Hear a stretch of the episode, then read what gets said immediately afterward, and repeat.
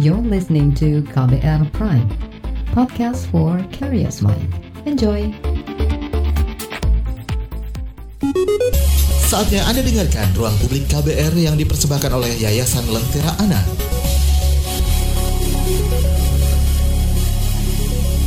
Ya, selamat pagi. Kita berjumpa lagi di acara Ruang Publik di hari Selasa tanggal 2 Juni 2020 bersama saya Ines Nirmala. Ruang publik hari ini dipersembahkan oleh Yayasan Lentera Anak. Dan pagi hari ini kita akan membahas tema tentang melindungi anak muda dari jebakan industri rokok. Dan kita juga akan berbincang-bincang bersama narasumber kita Bagja Nugraha, alumnis UIN Jakarta dan pegiat komunitas aksi kebaikan bersama juga narasumber dari Ketua Yayasan Lentera Anak Ibu Lisda Sundari dan pembaharu muda FCTC dan Ketua 9 cm Indonesia Janitra Hapsari. Saudara, Hari Tanpa Tembakau Sedunia diperingati setiap tanggal 31 Mei dan setiap tahun Badan Kesehatan Dunia atau WHO menetapkan tema khusus untuk memperingati Hari Tanpa Tembakau Sedunia atau HTTS yang untuk tahun ini temanya adalah lindungi kaum muda dari manipulasi industri dan cegah dari konsumsi rokok dan nikotin. Tema ini sangat sesuai dengan kondisi di Indonesia di mana industri rokok sangat leluasa untuk melakukan berbagai kegiatan untuk memanipulasi anak dan remaja. Sementara di sisi lain peraturan dan juga perlindungan kepada anak muda masih sangat lemah. Karenanya tidak heran prevalensi rokok anak di Indonesia terus meningkat. Lalu bagaimana cara industri rokok menjerat dan menjebak generasi muda? Hal inilah yang akan kita perbincangkan lebih dalam lagi dalam ruang publik KBR dan langsung saja kita sapa narasumber kita yang sudah bergabung via Zoom di pagi hari ini.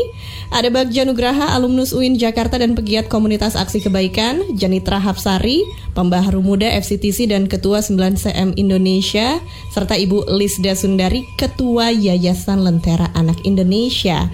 Halo, selamat pagi. Iya, Mbak. Pagi. Apa kabarnya hari ini? Sehat dan semangat. Wah. Alhamdulillah. Lagi sibuk work from home untuk hari Senin eh, hari Selasa ini? Masih Iya. sibuk juga? Kayaknya dari hari Minggu udah ma- ma- tetap masuk kita ya. Oh gitu. Tetap banyak kesibukan ya setiap hari hari. Sabtu udah ada live live.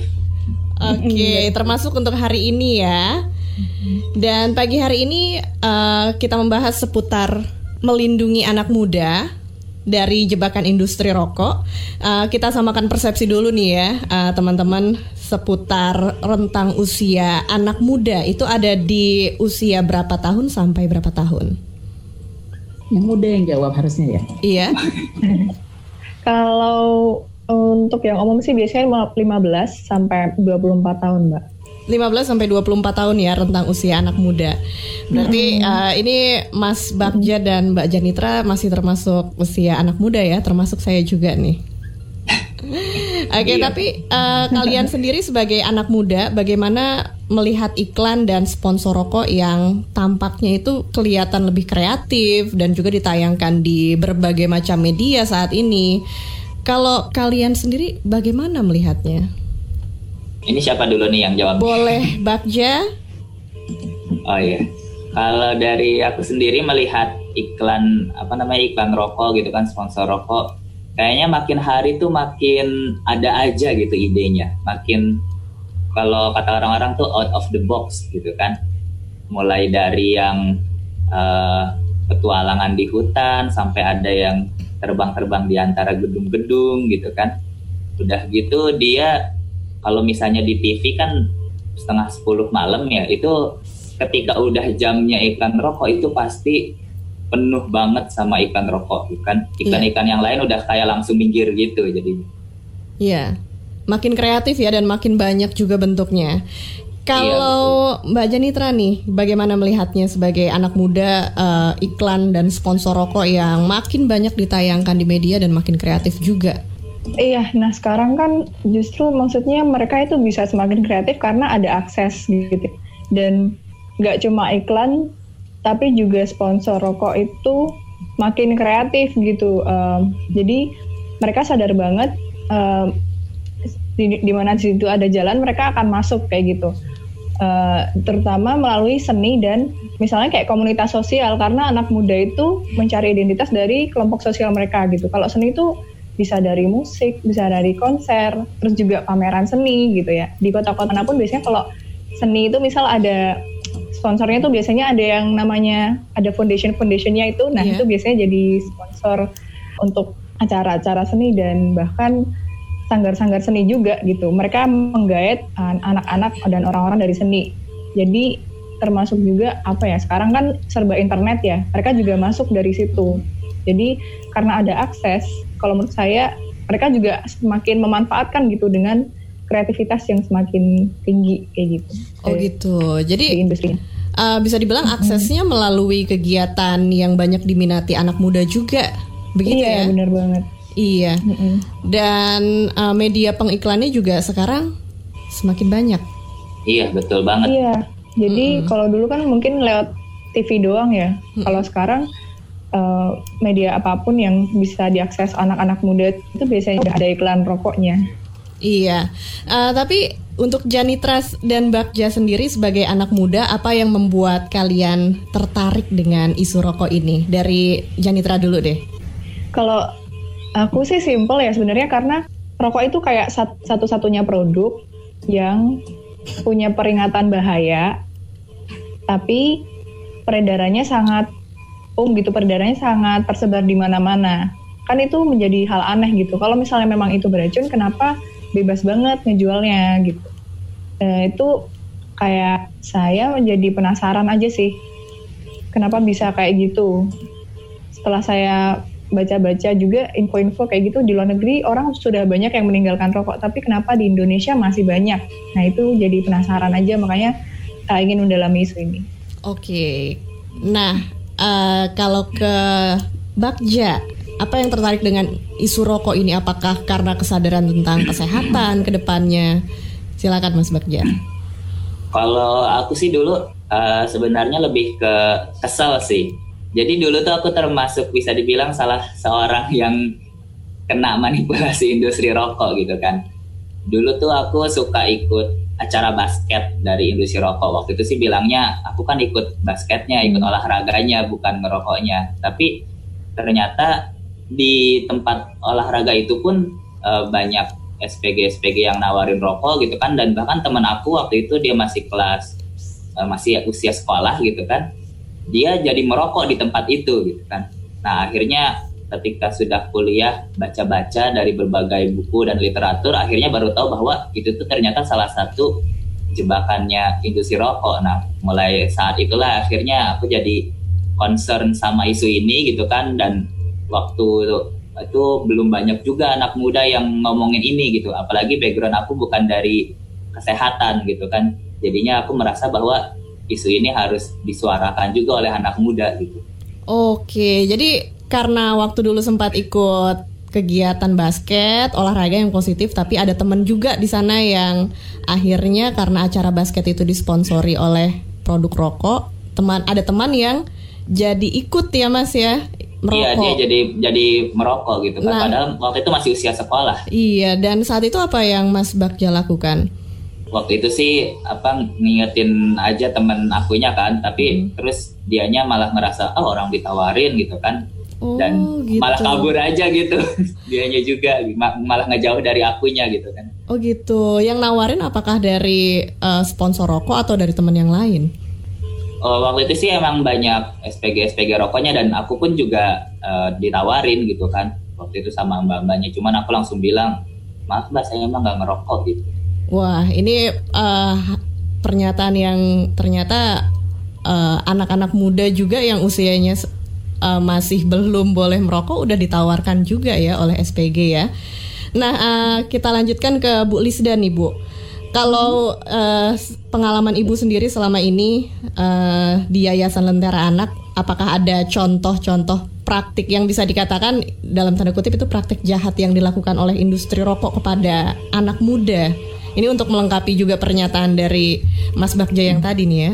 Ya, sebenarnya kan Mbak eh, praktek-praktek itu eh, secara global itu terjadi di dunia.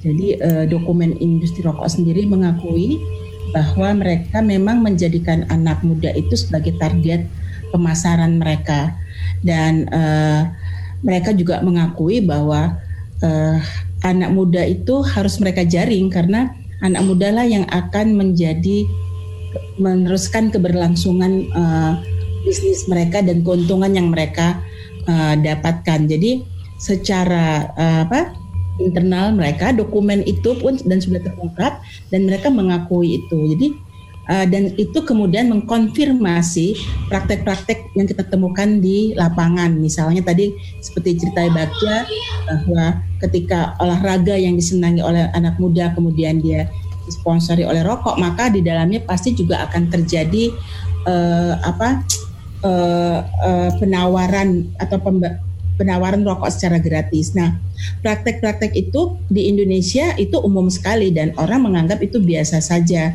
Karena tadi saya kembali ke Janitra, kita menganggap rokok itu produk biasa. Tapi balik lagi itu kan kayak lingkaran. Ketika orang menganggap itu produk biasa itu kan ada sebabnya. Karena apa? Karena masifnya si rokok mem, mem,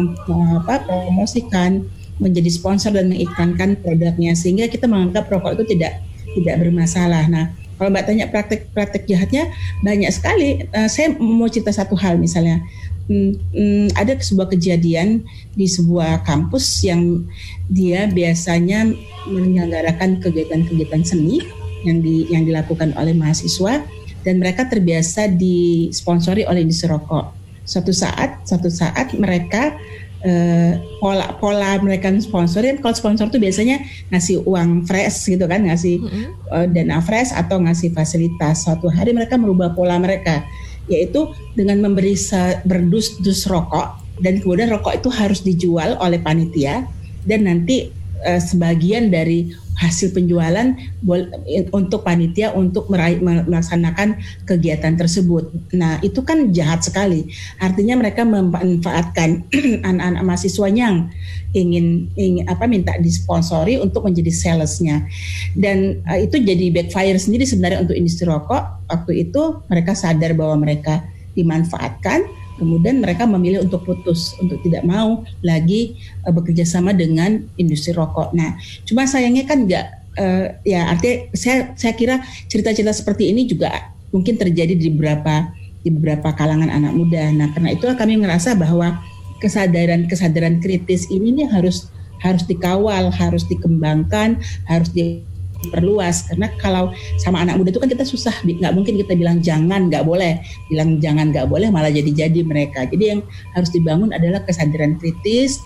Kalau itu kesadaran kritis itu berkembang meluas uh, itu otomatis saya kira akan membuat uh, banyak uh, apa menyelamatkan anak-anak muda lainnya sehingga mereka tidak akan menjadi perokok di masa depan. Kira-kira begitu Mbak Ines. Oke, terima kasih penjelasannya ya Ibu Lisda. Tapi kalau seputar anak muda sendiri, apakah ada data terakhir seputar hmm. tingkat perokok muda di Indonesia saat ini seperti apa dan juga apakah hmm. ada peningkatan setiap tahunnya. Tapi nanti akan kita infokan kepada pendengar kita setelah break yang satu ini dan saudara kita akan lanjutkan setelah yang satu ini.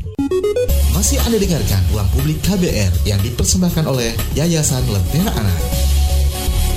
Ya, baik kita kembali lagi di ruang publik bersama Yayasan Lentera Anak yang pagi hari ini kita membicarakan tentang melindungi anak muda dari jebakan industri rokok masih bersama narasumber kita Bakja Nugraha, Janitra Hapsari dan juga Ibu Lisda Sundari, Ketua Yayasan Lentera Anak. Nah, tadi sebelum break sempat uh, per, saya ajukan pertanyaan seputar data terakhir tingkat perokok muda. Seperti uh, saat ini seperti apa nih Bu tingkat perokok muda di Indonesia?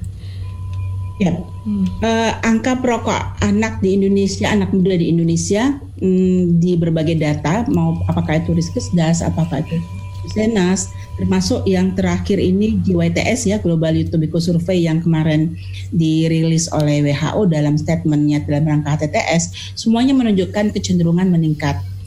Uh, misalnya yang paling dalam 10 tahun terakhir ini misalnya di Riskesdas itu rokok usia 10 sampai uh, eh, 14 berarti itu anak-anak usia SMP itu meningkatnya uh, hampir 200 200 persen.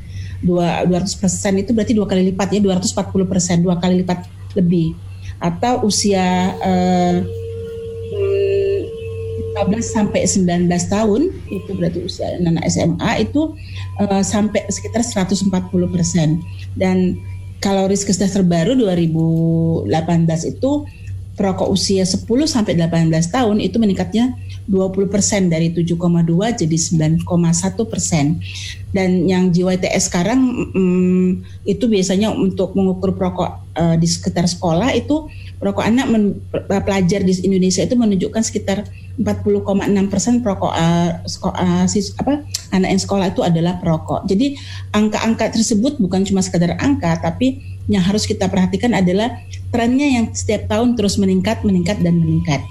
Um, uh, dalam 10 tahun terakhir itu nggak ada apa kecenderungan menurun dan yang lebih parahnya lagi, Mbak, yang lebih parahnya lagi ketika um, Riskesdas itu tahun 2019 meningkat 20 persen perokok anak dari 7,2 menjadi 9,1 sementara uh, uh, pemerintah kita melalui RPJMN rencana jangka panjang menengah uh, rencana pembangunan menengah jangka menengah itu menargetkan harusnya tahun 2019 kemarin uh, rokok anak usia 10-18 itu harusnya turun jadi 5,4 tapi justru yang terjadi dari 7,2 tahun 2013 iya. ditargetkan yeah. 2019 harusnya jadi 5,4 yeah. okay. tapi yang terjadi di tahun 2019 malah meningkat jadi 9,1 persen. Artinya kan ada sesuatu yang salah, ada ya, sesuatu yang jumlah terjadi. peningkatannya banyak ya Bu ya. ya iya. Oke Bu, uh, sekarang kita sudah tersambung dengan penelpon dari Waingapu ada Pak Helon yang ingin ikut berpartisipasi ngobrol-ngobrol dengan kita. Langsung saja kita sapa. Selamat pagi Pak Helon. Selamat pagi Mbak Pejar. Salam iya. sehat. Salam sehat. Iya. Pak Helon, langsung saja. Apakah ya. ada yang ingin ditanyakan ya. atau memberikan komentar? Saya mau berkomentar sambil bertanya juga. Silahkan. Ya, selamat pagi Mbak narasumber. Pagi Pak. Ya, uh, uh. Uh, dalam bungkusan rokok itu tertulis peringatan pemerintah. Uh, merokok bisa menyebabkan kanker, bla bla bla bla bla. Ya. Nah, tapi seolah-olah di sini, tapi industri rokok ini tetap berjalan terus, Mbak. Seolah-olah uh, pemerintah ini memberikan ruang juga kepada industri rokok untuk tetap beroperasi. Iya. Uh, kenapa sih pemerintah tidak berani mengambil apa uh, sikap yang tegas dalam arti tutup pabrik rokok dalam arti karyawan-karyawan dalam pabrik rokok itu dipekerjakan di uh, ada siapkan lapangan kerja baru untuk mereka begitu. Sehingga juga tidak terjadi uh, uh, tingkat pengangguran yang lebih tinggi juga di Indonesia ini. Karena satu uh, orang muda ini adalah harapan bangsa nih ya mbak. Yeah. uh, bagaimana Indonesia ini menyambut 100 tahun ini uh, menyediakan generasi yang uh, berkualitas. Sementara mereka ini sudah terpapar uh, uh, asap rokok uh, atau sudah menjadi perokok aktif. Dilihat dari angka presentasi tadi, wah itu dari 10 tahun sampai ke 18 tahun ya itu okay. itu usia yang paling relatif, relatif muda, Pak ya. Iya, betul, Tapi, Pak. Ya. Bagaimana bagaimana sikap pemerintah dalam hal ini? Iya, oke, okay. kita sudah menangkap ya, Pak apa poin pertanyaan Bapak. Nah, bisa langsung dijawab nih oleh uh, Ibu Lisda atau Janitra dan Bagja pertanyaan dari Bapak Helon di Waingapu. Terima kasih Pak Helon atas pertanyaannya. Uh, dan juga ini pertanyaannya sama seperti yang dikirimkan lewat live chat di YouTube, di mana uh, uh, akun Owi Ceresnowi ini bertanya tentang uh, kampanye untuk rokok dan produsennya kenapa tidak ditutup gitu? Apakah bisa? Dia bertanya. Silakan Ibu Lisda atau Mbak Janitra. Saya boleh tambah uh, ini dulu nanti teman-teman bisa tambahkan. Mbak, mm, mm, banyak orang yang bilangnya begitu. Harusnya pabriknya ditutup, harusnya pabriknya ditutup. Uh, tapi tentu saja pemerintah punya pertimbangan yang yang cukup uh, panjang untuk menutup pabrik karena itu uh, akan menyangkut dampak juga akan menyangkut kepada beberapa karyawannya. Tapi intinya begini, di dunia ini di secara global uh, untuk menangani permasalahan meningkatnya perokok anak itu bukan melalui penutupan uh, pabrik rokok, tapi melalui pengendalian konsumsinya.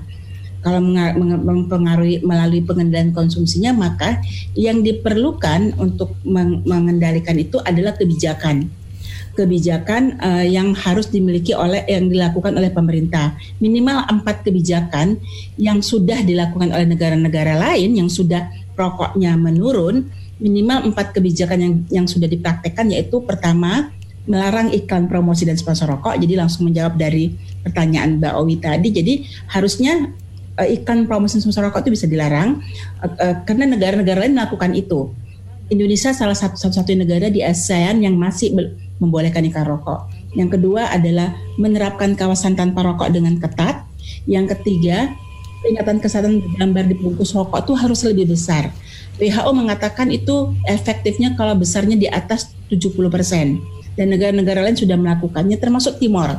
Timor Timor Timor itu sudah 90% bungkus rokoknya itu udah peringatan kesehatan bergambar. Yang keempat uh, cukai rokok harus dinaikkan karena karena uh, logikanya kalau cukai rokok dinaikkan harga rokoknya harus mahal.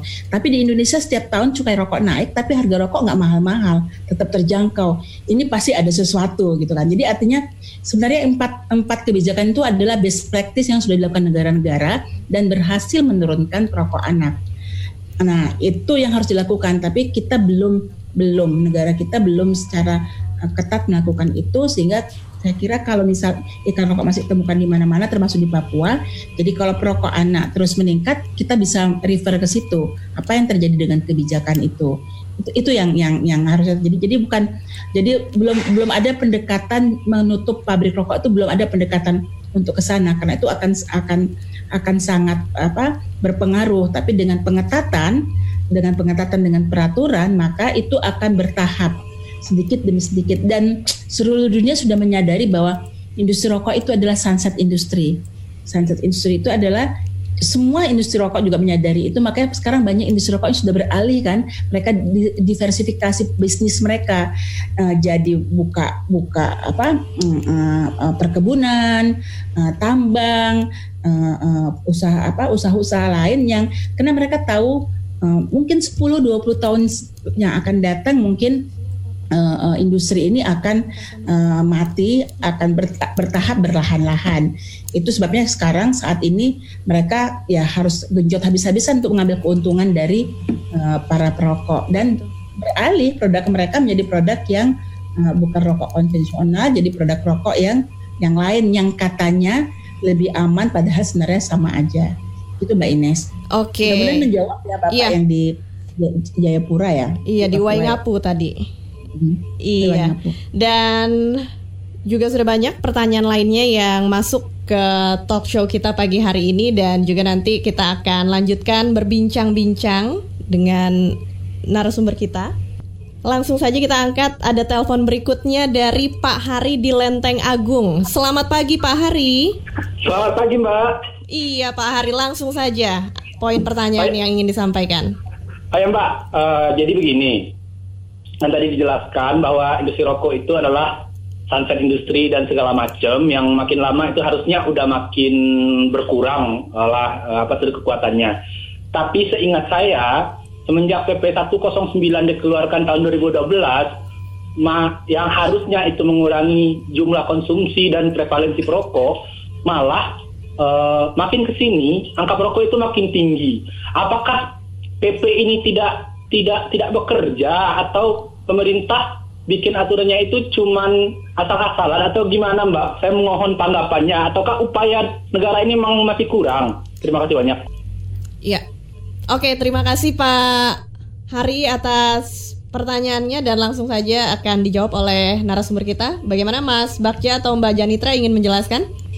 Mungkin aku mencoba jawab Pak Hari ya. Iya, Pak Hari di Ya, jadi memang kalau dari uh, pandangan kami terutama kan uh, aku mewakili komunitas aksi kebaikan teman-teman mahasiswa gitu kan kita merasa uh, tadi aturan yang disebutkan oleh Pak Hari itu masih kurang didukung juga oleh masyarakat gitu kan.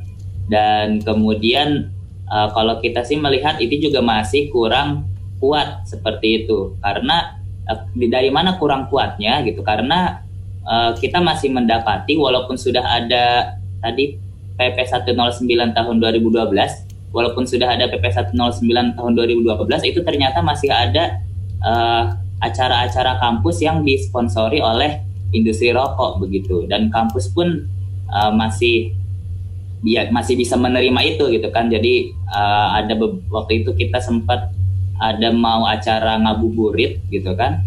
Uh, dan itu ternyata uh, teman-teman BEM-nya lah begitu mereka bekerja sama dengan industri rokok gitu jadi kayaknya masih perlu diperkuat lagi aturannya mungkin Janitra mau menambahkan Oke, boleh nanti uh, kita akan lanjutkan lagi. Sekarang saatnya kita break terlebih dahulu, Mbak Janitra siap-siap ya untuk menambahkan jawaban dari pendengar yang sudah berpartisipasi pagi hari yeah. ini. Kita akan kembali lagi ke ruang publik. Masih Anda dengarkan Ruang Publik KBR yang dipersembahkan oleh Yayasan Lentera Anak. Kita masih di acara Ruang Publik KBR bersama saya Ines Nirmala dan juga narasumber kita Bagja Nugraha, Janita Hapsari dan Ibu Lisda Sundari Ketua Yayasan Lentera Anak dan semakin seru karena pagi hari ini makin banyak pendengar kita yang juga sudah bergabung untuk memberikan komentar dan pertanyaan. Kali ini langsung aja kita lanjutkan ada Dewi dari Palmerah. Halo, selamat pagi Dewi. Pagi Mbak. Mbak siapa namanya, Maaf? Ines. Oh Mbak Ines ya pagi Mbak Ines. Iya silakan Mbak Dewi uh, komentar atau pertanyaan yang ingin diberikan. Uh, gini, uh, pertama tentang temanya ya. Terus terang sebetulnya uh, cukup sering ya diadakan kayak gini-gini, tapi rasanya uh, remaja yang apa ya menjadi perokok gitu, kayaknya makin banyak gitu, apalagi di lingkungan saya gitu loh. Di di Palmerah Barat ya di Jakarta Barat Mbak di iya. dekat rumah itu bahkan ada usianya bukan remaja ya masih uh, memang nggak sekolah kayaknya cuman keluarganya sebenarnya mampu untuk menyekolahkan cuma saya nggak ngerti kenapa gitu kan itu waktu saya lihat anak itu umur berapa ya enam tahun apa tujuh tahun gitu loh mbak itu udah merokok yang cuek aja seperti biasa gitu loh nah maksud saya ini kan yayasan lentera ya? Iya betul. Kira-kira uh, kira-kira uh, tahu nggak sih uh, kayak kayak gini gitu. Artinya kan bukan hanya di Jakarta Barat nih ada kayak gini di Palmera. Pasti di di lima wilayah kota Jakarta juga pasti ada kalau memang uh, Yayasan Lentera ada uh, tim surveinya barangkali gitu kan kayak misalkan melakukan kayak riset kecil-kecilan dulu misalnya gitu ya hmm. berapa jumlahnya nggak saya suka, suka penasaran sebetulnya yayasan-yayasan bikin kayak gini uh, ini maaf nih mbak ya uh, sekedar masukan aja harusnya kan ada ada ada apa ya uh, datanya berapa ininya terus uh, tapi benar-benar harus yang uh, nyata gitu jangan kan ya. takutnya cuma gimana ya nggak nggak serius uh, melakukan risetnya gitu loh. Nah yeah. terus uh, uh, apakah ada kerjasama dengan yang pihak berwenang ya berwenang dalam sini saya juga nggak tahu siapa ya uh, untuk uh, menangani anak-anak jangan menjadi perokok dalam arti kata nyari duit aja juga belum iya. bisa gitu ya mbak. Oke, okay, iya. terima kasih ya Mbak Dewi pertanyaannya ya. Iya. Oke, okay. dan ini juga kita sambungkan dengan pertanyaan sebelumnya dari Pak Hari di Lenteng Agung karena memang pemerintah juga sudah mengeluarkan peraturan tapi justru angka perokok muda makin naik. Apa yang sebenarnya terjadi? Uh, silakan boleh Mbak Janitra mungkin menjelaskan. Iya, jadi sebelum nanti ke Bunda juga buat jelasin apa yang udah dilakuin Lentera Anak. Uh, perlu di uh, pendengar sekalian ketahui bahwa Indonesia adalah satu-satunya negara di ASEAN dan enam negara di dunia yang belum meratifikasi FCTC. FCTC itu adalah singkatan dari Framework Convention of on Tobacco Control. Artinya itu uh, perjanjian uh, kebijak apa ya, bantuan dari WHO untuk penerapan khusus pengendalian tembakau untuk negara-negara di dunia. Nah, Indonesia itu belum aksesi hal tersebut. Jadi, uh, untuk best practice, kemudian strategi-strategi untuk pelarangan atau pengendalikan industri rokok dan konsumsinya itu masih lemah karena kita belum mengikuti deadline yang sudah disiapkan oleh FCTC. Nah, kenapa pertanyaannya kita belum ratifikasi FCTC? Nah, itu ada di ranah uh, pemerintahan gitu ya. Mungkin uh, perlu juga pendengar sekalian ketahui bahwa industri rokok itu tidak hanya memasarkan produk saja, tapi juga sebenarnya ada strategi-strategi yang uh, disasarkan untuk pemerintah agar pemerintah tidak aware gitu loh terhadap uh, mungkin upaya-upaya yang dilakukan industri rokok di balik layar gitu, di balik apa yang bisa kita lihat sehingga pemerintah tidak segera uh, meratifikasi hal tersebut. Padahal kalau kita lihat kenapa negara lain itu lebih ketat gitu, karena mereka salah satunya sudah ratifikasi atau aksesi FCTC ini, kayak gitu. Iya, dan uh, itu untuk menjawab. Uh -uh. Ya. Dan juga kaitannya ke pemerintah nih uh, dari yayasan dan juga ke pemerintah atau pihak-pihak yang terkait untuk menghentikan anak muda merokok gitu Bu. Apakah uh, yayasan uh, sudah melakukan agenda-agenda apa saja gitu untuk hal ini? Ya, mungkin saya jawab itu. Uh, pertama, pertama Mbak uh, soal PP yang ditanyakan Pak Hari, mm -hmm. kelemahan PP sekarang 109 2012 adalah justru di penegakan hukumnya peraturannya ada tapi sanksi dan penegakan hukumnya lemah sekali. Karena itu kita mendorong itu harus diperkuat. Yang kedua soal pertanyaan tadi Bu Dewi ya kalau nggak salah di Palmera, yeah. ya Ibu uh, anak kami melakukan uh, beberapa upaya tapi mungkin karena kami juga bukan organisasi yang terlalu besar jadi kami punya ruang lingkup ke, uh, kegiatan kerja uh, tertentu karena kami harus fokus karena kalau semua kami lakukan uh, kami punya resource yang terbatas. Uh, yang dilakukan oleh antara anak, pertama kami akan melakukan advokasi. Jadi kami percaya bahwa upaya-upaya preventif jauh lebih efektif daripada upaya-upaya kuratif. Ketika anak sudah menjadi perokok, itu itu upayanya harus kuratif dan karena rokok itu adiksi, uh, sulit sekali meminta orang atau memaksa orang untuk berhenti merokok. Dalam berbagai studi itu orang yang merokok itu hanya 10% bisa berhenti jadi uh, yang Lentera anak lakukan, kami meng, meng, meng, mengedepankan, memprioritaskan upaya-upaya preventif.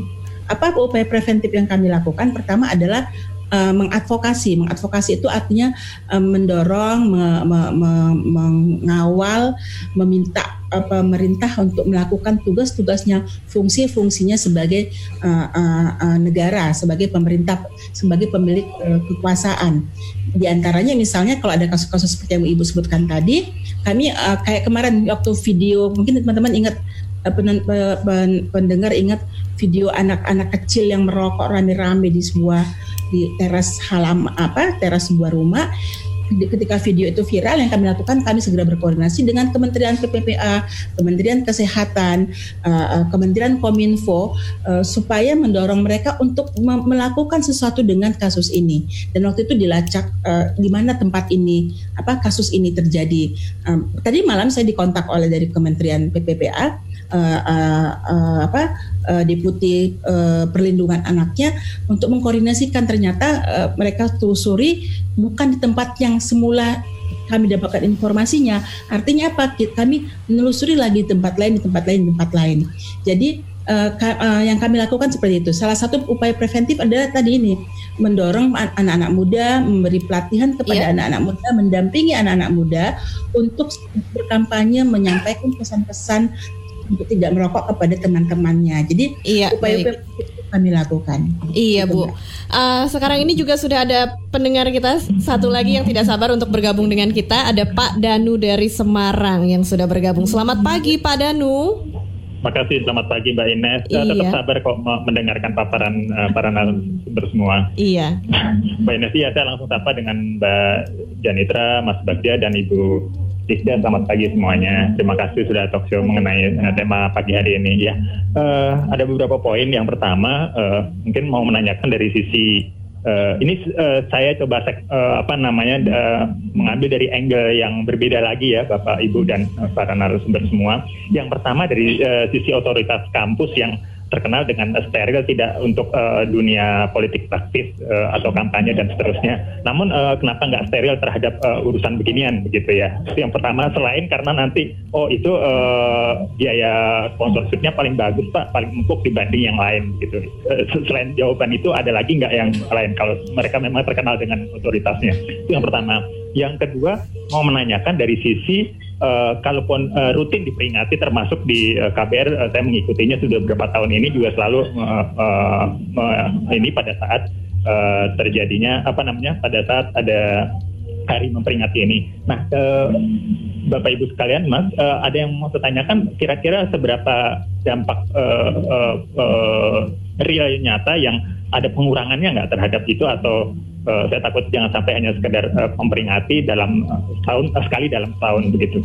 Yang ketiga adalah mau menanyakan dari sisi uh, kalau apa namanya uh, menurut ibu barangkali ya, Bu Lisda, uh, ada nggak uh, atau seberapa nggak ada apa ya namanya uh, penelitian begitu? Mohon maaf sekali saya tidak menyebut brand yang foundation foundation dari brand besar itu uh, dalam tanda kutip mungkin sekedar uh, money laundering atau penebus dosa dari produk yang dijualnya. Nah, mungkin itu saja dulu Bapak ya. Ibu semua. Mbak, terima kasih selamat pagi. Terima kasih banyak Pak Danu. Boleh langsung dijawab oleh Ibu Lisda atau Mbak Janitra? Mungkin yang pertama bisa Janitra atau Bagja ya, karena ini bicara soal ya. kampus ya. Oke, okay, boleh silakan Mas Bagja. Aktivis kampus, iya. Uh, terima kasih mungkin mencoba menjawab yang terkait di kampus ya gitu. Jadi uh, kan kita juga sudah lama mengikuti uh, perkembangan terkait pengandaian tembakau di kampus gitu, terutama di kampus saya. Itu dulu sih memang uh, salah satu wakil rektornya pernah bilang di media di media kampus, walaupun orang-orang kan bilangnya oh ini kan dari foundation bukan terkait dengan pabriknya gitu kan Nah, tapi ternyata wakil rektornya sendiri pun uh, seperti mengak, apa, mengakui gitu bahwa itu tuh masih berkaitan dengan industri rokok. Jadi dia bilang yang kita terima kan uangnya bukan rokoknya seperti itu. Waktu itu saya masih ingat banget dan itu kayaknya masih bisa di masih bisa diakses secara digital tabloid kampusnya kalau misalnya mau dicari. Dan uh, akhirnya sih yang yang bisa kami lakukan gitu sebagai mahasiswa. Jadi teman-teman di kampus kita uh, mengumpulkan berbagai macam bukti gitu kan betapa uh, rokok itu bebas banget di dalam kampus bukan hanya dari uh, urusan dana pendidikan tadi tapi juga di kegiatan merokoknya tuh banyak banget. Jadi teman-teman sempat bikin aksi pungut puntung rokok bekerja sama juga dengan unit kegiatan mahasiswa yang lain dari jurnalis kampus, dari fotografi kampus juga. Akhirnya kita ketika sudah pergantian rektor ada wakil rektor yang baru pun uh, kita sempat presentasi uh, kepada beliau gitu supaya kampus bisa lebih tegas gitu untuk menegakkan peraturan bahwa institusi pendidikan itu 100% kawasan tanpa rokok harusnya gitu kan. Dan juga supaya tidak menerima uh, dana pendidikan dari industri rokok juga. Karena kalau di kampus saya sih baru fakultas kesehatan masyarakat aja yang uh, berkomitmen tertulis untuk tidak menerima uh, dana dari industri rokok untuk pendidikan, tapi yang lain-lain masih bisa gitu, masih menerima. Oke, okay.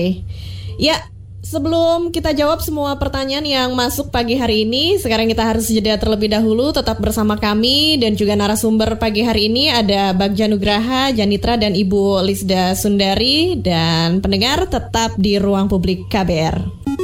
Masih Anda dengarkan Ruang Publik KBR yang dipersembahkan oleh Yayasan Lentera Anak. Ya, sekarang kita sudah masuk ke bagian terakhir ruang publik KBR yang dipersembahkan oleh Yayasan Lentera Anak dan pagi hari ini memang banyak sekali pendengar kita yang bersemangat dan memberikan komentar. Tadi uh, sudah ada pertanyaan dari Pak Danu di Semarang yang tema pagi hari ini kita masih membahas seputar melindungi anak muda dari jebakan industri rokok bersama narasumber kita Bagja Nugraha, pegiat komunitas aksi kebaikan, Janita Hapsari, pembaharu muda FCTC dan Ketua 9 CM Indonesia serta Ibu Lisda Sundari, Ketua Yayasan Lentera Anak. Kita langsung lanjutkan uh, untuk menjawab pertanyaan tadi dari sesi sebelumnya seputar otoritas yeah. kampus ataupun juga seputar angka real upaya untuk mengurangi perokok di Indonesia. Boleh silakan langsung dijawab oleh Ibu Lisda ataupun Mbak Janitra. Iya, nanti mungkin sebelum ke Bunda Lisda juga, saya mau menjawab yang bagian apakah kita hanya segera memperingati gitu ya. Jadi untuk momentum Hari Tanpa Tembakau sedunia itu memang momentum untuk menurut saya meningkatkan awareness masyarakat di mana kita harus menyebarkan isu ini bahwa kita sedang ada dalam permasalahan loh. Kalau misal uh, kita bilang kita sedang ada dalam sebuah epidemi COVID ya, sebenarnya sejak bertahun-tahun lama kita sudah berada di dalam epidemi tembakau, di mana dia membunuh banyak banyak sekali orang. Nah kalau uh, memperingati ya kita memperingati, tapi sepanjang tahun sebenarnya kita selalu berupaya untuk uh, melakukan advokasi, kampanye yang mungkin juga apa ya kita lakukan sesuai resource kita masing-masing. Nah, saya juga hanya ingin mengingatkan bahwa uh, momentum HTTS ini tidak hanya punya pemerintah, tidak hanya punya anak muda, tidak punya tidak hanya punya lentera anak atau uh, NGO yang melindungi hak-hak anak kayak gitu ya, tapi kayak kita semua memainkan peran sebagai orang tua, masyarakat dan juga pendukung pemerintah untuk uh, me mempertegas juga kebijakan yang ada di Indonesia. Karena uh, pemerintah itu tidak tidak cuma bekerja tapi sebenarnya juga banyak mengalami hambatan yang secara langsung atau tidak langsung berasal dari industri rokok tersebut. Nah, kalau misal ingin tahu apa saja yang bisa kita lakukan sebenarnya sudah ada uh, infonya uh, di artikel-artikel berita. Misal kalau di komunitas saya bisa ke 9camindonesia.org, mungkin juga ke komunitas anak muda lain dan juga NGO lain yang memang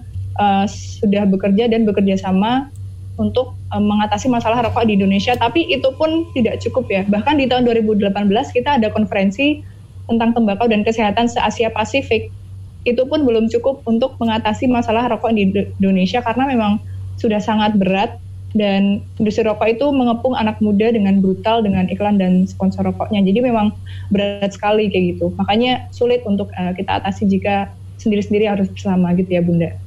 Oke, kita lanjutkan ke Ibu Lisda. Ada yang ingin ditambahkan Ibu seputar ya, pertanyaan ya, yang tadi kita terima? Saja, menyambung tadi Janitra, mm-hmm. uh, kenapa sulit di, di, di, diatasi? Karena uh, semua orang menganggap itu banyak orang yang menganggap itu belum belum. Jadi lebih sedikit orang yang menganggap itu masalah dibanding orang yang menganggap itu tidak masalah. Itu artinya cara-cara industri rokok selama ini membuat rokok terlihat normal dan tidak masalah itu berhasil kembali saya ke pertanyaan Pak Danu tadi, uh, kita melakukan banyak cara turun nggak perokok anak? Ya kalau lihat, lihat data Pak Danu itu nggak turun. Tadi sudah saya sampaikan itu meningkat terus gitu kan. Itu meningkat terus. Justru karena itu meningkat terus, ini harus lebih gencar lagi dilakukan. Jadi uh, sebenarnya sebenarnya industri rokok itu sudah menabur benih, sudah memelihara dari dari bertahun-tahun yang lalu dan sekarang mereka uh, diterima sangat banyak apa sangat baik oleh masyarakat dan dianggap itu tidak berbahaya.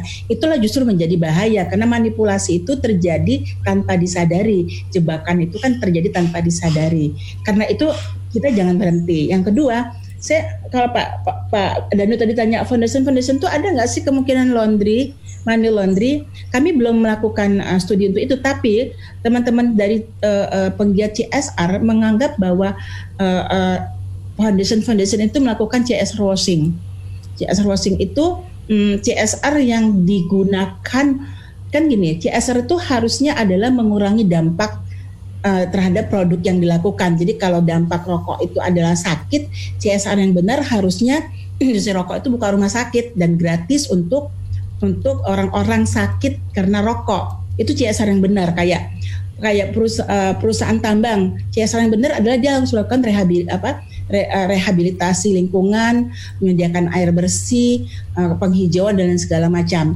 Nah, kalau yang dilakukan oleh foundation-foundation itu adalah beasiswa, uh, budaya dan segala macam, itu disebutnya CSR washing. CSR washing, CSR washing itu yeah. adalah CSR yang tujuannya bukan CSR, tapi tetap tujuannya untuk marketing, untuk memperbaiki nama baik, uh, untuk memperbaik memperbagus citra dirinya. Jadi itu CSR abal-abal. Iya. Kata itu kata kata para penggiat CSR. Untuk memperbaiki nama perusahaan tersebut ya, ya Bu. Dan ya. sekarang kita langsung saja masuk ke YouTube akun Berita KBR sudah banyak juga yang bergabung di live chat YouTube channel kita.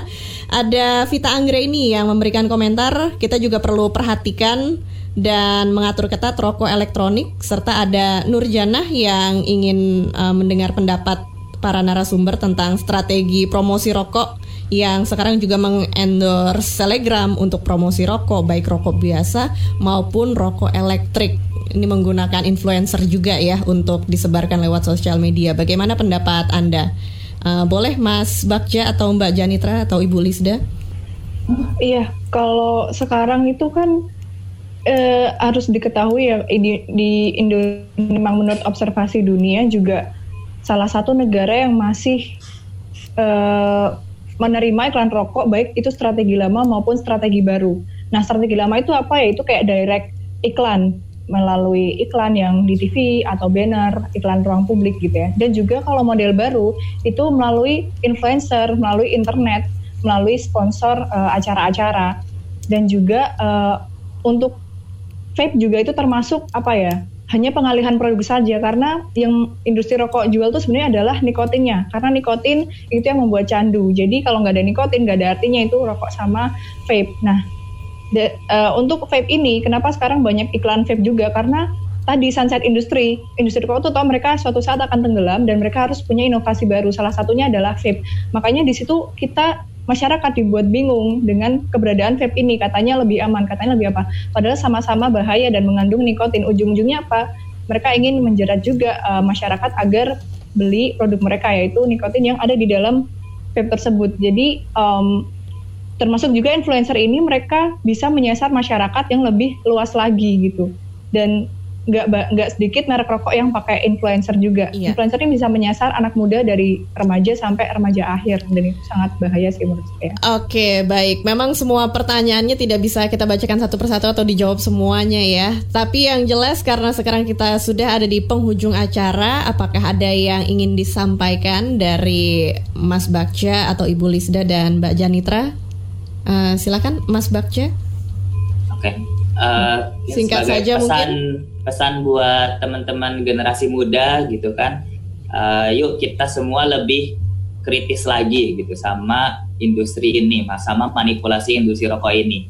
Kita kita sih uh, sebagai mahasiswa kita nggak memusuhi teman-teman yang merokok atau memusuhi teman-teman yang menerima beasiswa dari industri rokok. Kita nggak memusuhi mereka karena mungkin hanya ada perbedaan perspektif aja justru mereka adalah iya. sama-sama kayak kita sama-sama korban gitu kan dari industri rokok gitu jadi iya ayo kita lebih kritis lagi, kita suarakan gitu kan, buktikan bahwa uh, kita generasi muda itu nggak mau okay. dijadiin target manipulasi. Betul. Kita lanjut ke Ibu Lisda yang ingin disampaikan terakhir kali untuk pendengar kita. Silakan singkat ya. saja Bu Lisda. Ya, betul. Uh, uh, tadi Bagja sudah menyampaikan kepada anak muda, saya menghimbau kepada pemerintah uh, tugas melindungi anak muda juga adalah tugas negara. Mari kita memohon minta negara untuk melakukan tugasnya, membuat kebijakan yang cukup kuat dan cukup keras sehingga anak-anak muda kita terlindungi dari manipulasi industri rokok. Iya, terima kasih Ibu. Dan sekarang kita uh, karena waktu yang terbatas, kita akhiri perbincangan kali ini dan juga siaran KBR Ruang Publik bisa didengarkan lewat podcast KBR Prime Pilih Ruang Publik. Terima kasih untuk Ibu Lisda Sundari Ketua Yayasan Lentera Anak, Mbak Janita Hapsari dan Mas Bagja Nugraha untuk yeah. partisipasi dan obrolannya pagi hari ini. Terima kasih atas kebersamaannya. Saya Ines Nirmala undur diri. Terima kasih. Baru saja Anda dengarkan Ruang Publik KBR yang dipersembahkan oleh Yayasan Lentera Anak.